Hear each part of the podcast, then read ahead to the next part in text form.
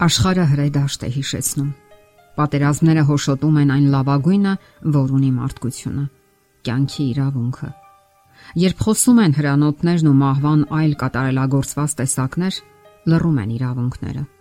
Մարդուն հաճախ թողնում են մեկ իրավունք՝ մահվան իրավունքը։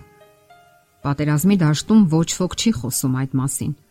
Արկերի հրե օվկիանոսի որոտների մեջ ահավոր լռություն է տիրում։ Մահվան լռությունը Մարդիկ արդարություն են տենչում, եւ դա միանգամայն բնական է։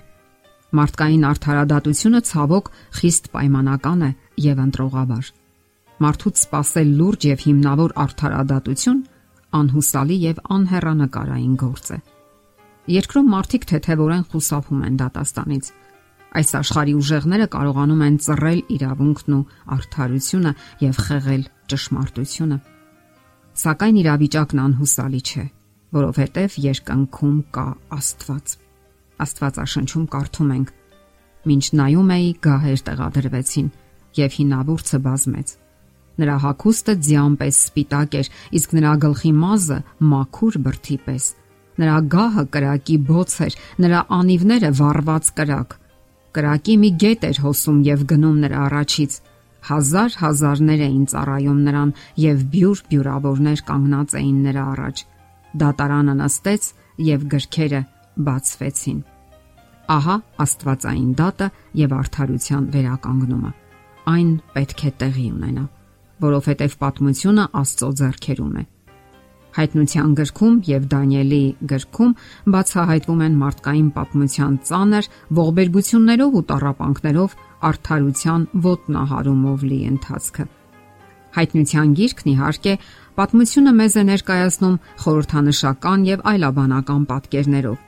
սակայն այդ ամենի հետևում երևում են Աստծո ձեռքերը, եւ դա հրաշալի է։ Հրաշալի եւ հուսադրող, որ պատմությունը Աստծո ձեռքերում է։ Երկրի ղեկավարներն ու այս աշխարհի ուժեղները փորձում են շեղել պատմության ընթացքը իրենց հարմար ուղիով, սակայն դրանք անհեթեթ փորձեր են եւ պարզապես ինքնասպանություն։ Նրանք անգամ չեն պատկերացնում, որ կա դատաստանի օր եւ ամեն մեկն է պատասխան տալու իր արածի եւ նույնիսկ չարածի համար։ Երբ աշխարհում անմեղ արյուն է հոսում եւ այս աշխարհի ուժեղները լռում են, նրանք պատասխան են տալու հենց այդ չարածի համար։ Ինչպես անմեղ Աբելի արյունն էր բողոքում երկրի վրայից, այսօր էլ անմեղ տարապողների արյունն է բողոքում։ Աստվածաշնչում կարդում ենք. Տերն ասաց. Ինչ է սարել։ Քո եղբոր արյան ձայնը բողոքում է երկրից։ Բարի լուրն այն է, որ բարձրագույն իշխանությունը պատկանում է Աստծուն եւ նրանն է վերջին ու վճռական խոսքը։ Աստված թակավորել է եւ շարունակում է թակավորել։ Նա հրաշալի գիտի, թե դեպի ուր է շարժվում մեր աշխարհը եւ մենք լինելու ենք նրա վերջնական հաղթանակի վկաները։ Ուշագրավ է, որ Դանիել բառը նշանակում է Աստված իմ դատավորն է, եւ դա պատահական չէ։ Աստվածաշնչյան պատմություններում, որտեղ Աստծո զավակները փորձության են ենթարկվում, ավարտը միշտ դրական է լինում եւ արդարացնում Աստծուն ապավինողներին։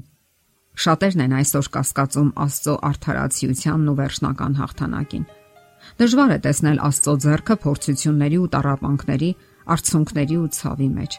Սակայն հավատքի փորձառությունները զտում են հավատքը եւ հուսադրում, որ պատմությունն ու վերջնական հաղթանակը Աստծո ձեռքերում է։ Մարդկության պատմության եւ մեկ մարդու տարապանքների համադրության համատեքստում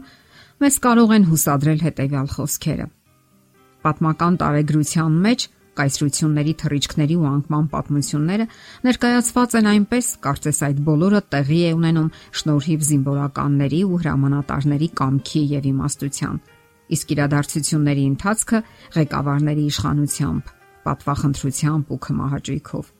սակայն Աստծո խոսքը մեր աչքերի առաջ բացում է վարագույրը, եւ մենք դառնում ենք մարդկային շահերի, հետաքրքրությունների ու կրքերի բարդ պայքարի վկաները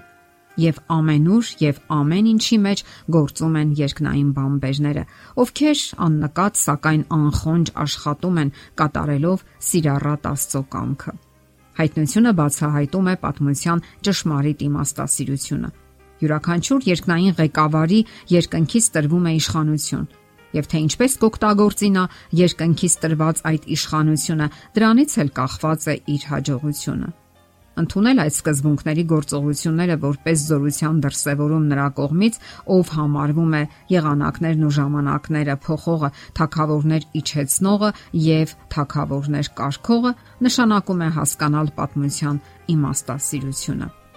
Աստվածային նախախնամությունն է առաջնորդում մարդկության ընթացքը Այն նախագծված է բոլոր մանրամասներով, որտեղ գործում է յուրաքանչյուր մարդու ազատ կամքի հնարավորությունը։ Հիմա է դատաստանի ժամանակը, եւ յուրաքանչյուր մարդ կայացնում է իր որոշումը։ Դա հավասարապես վերաբերում է թե այս աշխարհի ուժեղներին եւ թե հասարակ մարդկանց։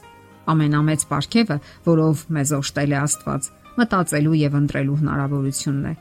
եւ միայն սիրող Աստվածը կարող էր գնալ նման ռիսկի եւ ընձեռել այդ հնարավորությունը։ Դա վկայում է, որ իսկական եւ անկեղծ սերը չի պարտադրում, նա միայն ընտրության հնարավորություն է տալիս։ Հնարավորություն, որը մարդն օգտագործեց ի վնաս իրեն եւ վերջին հաշվով հայտնվեց հավերժական կորստի վտանգի առջև։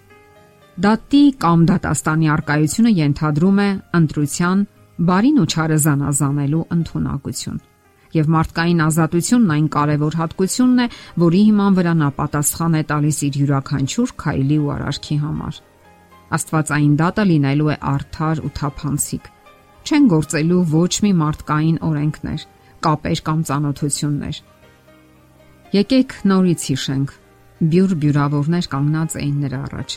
Դատարանը նստեց եւ գրքերը բացվեցին։ Այդ բյուրավորների մեջ պետք է լինենք նաև մենք նրա առաջ կանգնած։ Հենց մենք։ Եթերում է ղողանջ հավերժության հաղորդաշարը։ Ձեզ հետ է Գեղեցիկ Մարտիրոսյանը։ Հարցերի եւ առաջարկությունների համար զանգահարել 033 87 87 87 հեռախոսահամարով։